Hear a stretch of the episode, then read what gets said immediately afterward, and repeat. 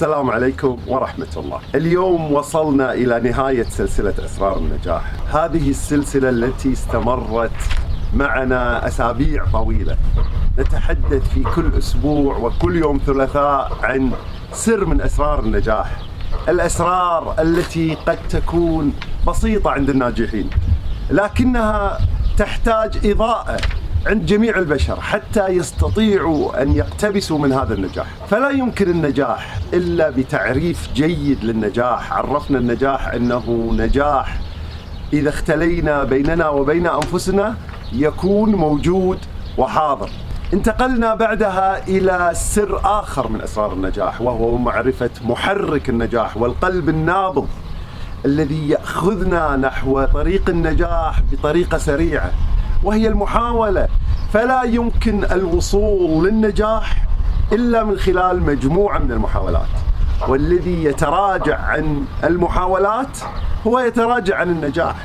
فالنجاح ليس سوى محاولة أخرى من محاولات النجاح الفاشلة. كانت حلقاتنا الخمسة عشر. حلقات تتكلم في نفس الوقت عن مفهوم النجاح المجرد كفكرة المرونة والتي يجب أن نتساءل عنها. هل نحن مرنين في هذا الموقف بما هو كافي أم نحتاج إضافة بعض من المرونة؟ فهذه الأفكار المجردة المرونة مهارات التفاوض التخطيط هذه الأفكار يجب أن نعرفها على المستوى الفلسفي ويجب أن نعرفها على المستوى التنفيذي. فدون رؤية الغابة لا يمكن أن نحسن قطع الأشجار. الناجحين يعرفون كيف يتخذون القرار كما يجيدون إعداد فنجان قهوتهم. فهم يعرفون أنها مراحل وهم يعرفون بالضبط في أي مرحلة هم. فدون تلك المراحل لا يمكن النجاح.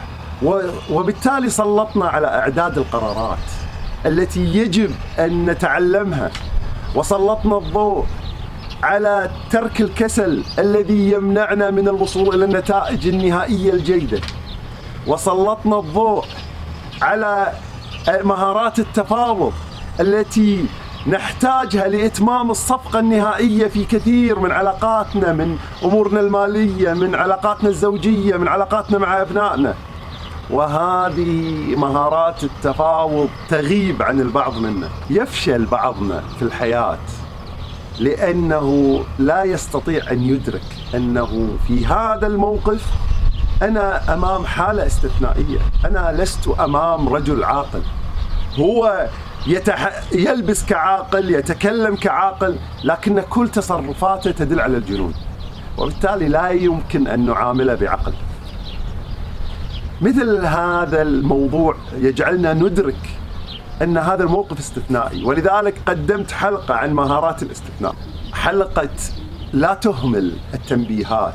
ترشدنا أن الحياة فيها كثير من الأجراس التي تقرع وكل ما علينا أن نتوقف عندها ونسمع الأجراس. لنعلم أن هذا الألم ينذرنا بكارثة صحية قادمة. وأن هذا الصديق ينبئنا بكارثة اجتماعية قادمة. وأن هذه الأمور المالية التي الخسارات الصغيرة هي تنبيهات لخسارات كبيرة قادمة.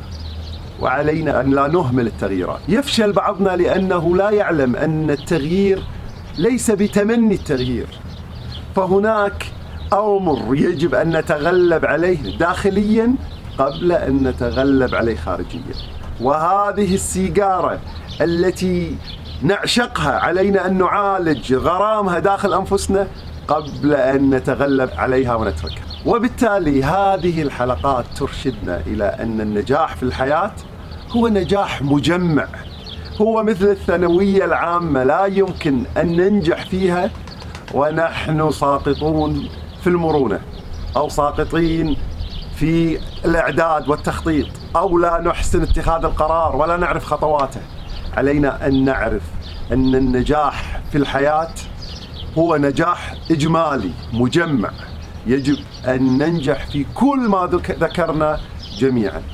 وحينما ننجح في كل ما ذكرنا سيؤهلنا بطريقة تلقائية للنجاح لأمر أكبر. نتمنى للجميع النجاح. والسلام عليكم ورحمة الله وبركاته.